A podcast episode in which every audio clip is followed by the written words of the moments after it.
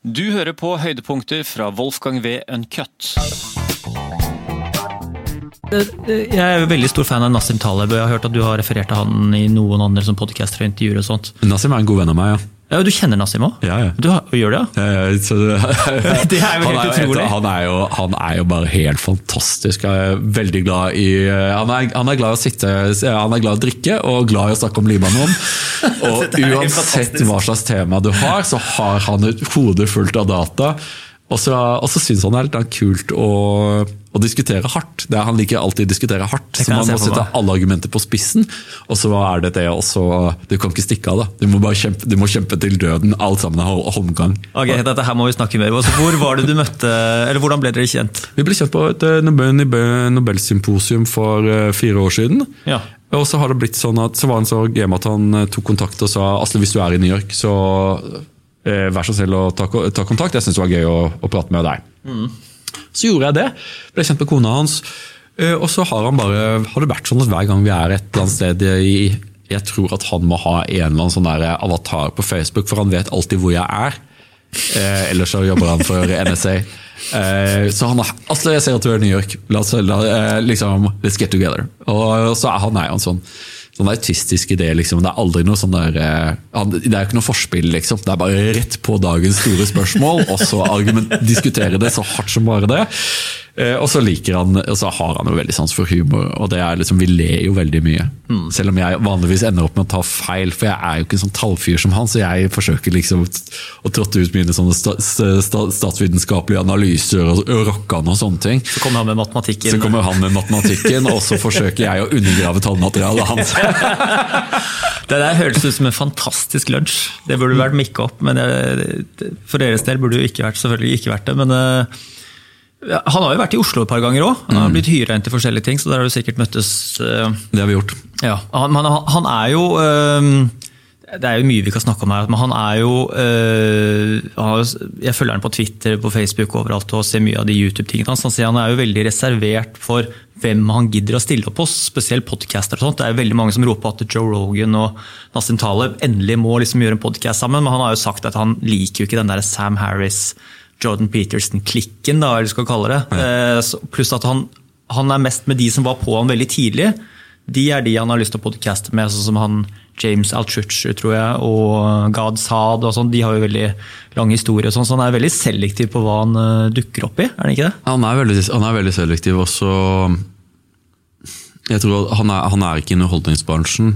Så hvis han, hvis han har tenkt å komme på hjemmebesøk, så er det av, av en god grunn. Og det er så, så Han er veldig interessert i å ta en debatt med Steven Pinker, men Steven Pinker løp og gjemte seg.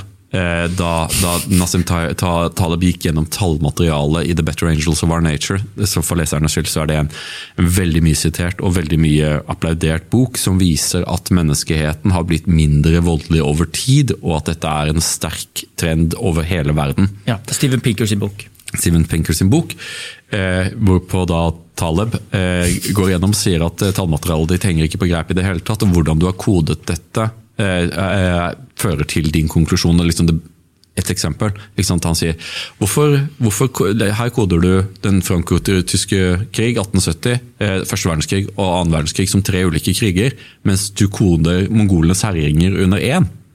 Men da, etter den logikken så burde jo det bare hete de germanske krigene. Eh, som for øvrig er liksom det er omtrent samme skala. Eh, og, eh, og han mener at, at Pinker ganske enkelt ikke har hold for sine konklusjoner. Og ikke det at konklusjonene hans nødvendigvis er feil, det er bare det at han ikke underbygger dem. Og, og veldig preget av confirmation bias. eh, Det er jo det som han mener. Ja, og så- sånn, i, i veldig sånn uh, overordna så er det det at han tar tidslinjen er enorm, da, og han cherrypicker litt på en måte for å finne den statistikken som kler narrativet hans aller best. Er det, er det riktig? Så vulgært er det ikke. Eh, Men, men det handler om hvordan, hvordan det har blitt kodet, og det, eh, og det at ikke sant, Det store problemet her er annen verdenskrig. Ikke sant? At Hvis man bare kunne bli kvitt annen verdenskrig på en eller annen måte, så ville du få en sånn fin hockeystick om at vi blir mindre og mindre eh, Sjansen for at du kommer til å dø, lide en voldelig død er mindre og mindre og mindre for nesten hvert 100 år som vi har koll på. da. Men så har du problemet med annen verdenskrig, for plutselig så varte vi opp med den mest destruktive krigen i menneskehetens historie. Eh, I all vår sivilisasjon og, og menneskerettigheter. Og det blir, et et forklaringsproblem. Man Teleb vil da si at med, eh, med du har ikke, eh, eller eh, gitt annen verdenskrig og gitt andre eh, kodingsfeil, så er det ikke grunnlag for å komme med den konklusjonen som man gjør. Altså at vi har blitt mer og mer fredelige. Mm. Men så, så jeg, skriver, jeg skriver om dette i boka, det skal jeg for øvrig si hele tiden nå. Jeg skriver, jeg skriver om dette i boka mi. i. Ja. ja. det passer, høres bra ut. Ja. Eh, tallene fra, eh, fra um, Pinker eh, vi sier jo noen ting om skandinavisk middelalder. Eh, og jeg velger å tro det at disse tallene stemmer. Og saken er jo det at det er ekstremt farlig.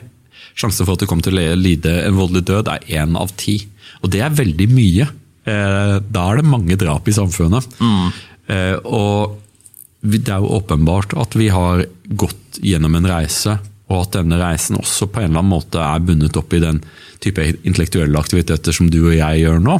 Om hvordan vi løser konflikter, hva vi anser for å være akseptabelt. Eh, men så syns jeg også at Nassim Taleb har et poeng i at eh, vi har også en evne til å falle tilbake. Og til å vende tilbake til en grad av grusomhet som er eh, sjokkerende. Jeg sitter og jeg, jeg er veldig historieinteressert, og jeg er liksom blitt såpass gammel at jeg ikke leser mye skjønnlitteratur lenger. Jeg, jeg trives best med faglitteratur. Jeg har lest om eh, Takota Trail eh, og um, i, Nå feiluttalte jeg det, men iallfall på krigen på Papua Ny-Guinea mellom australierne og, og japanerne i 1943-44. Og det er så grusomt. Eh, og det er ikke Jeg tror at også vikinger ville ha sagt hei, det der blir, det der blir for drøyt. Eh, liksom det å en sånn hodeavkappende, genitalieavkappende eh, krig mellom to siviliserte land i en kontekst omgitt av hodejegere som spiser hjernen din. Eh, det er, det er, og dette er ikke så lenge siden, da. Mm. Eh, Hva var det du sa, 1943? 43-44. Ja. Ikke sant, så...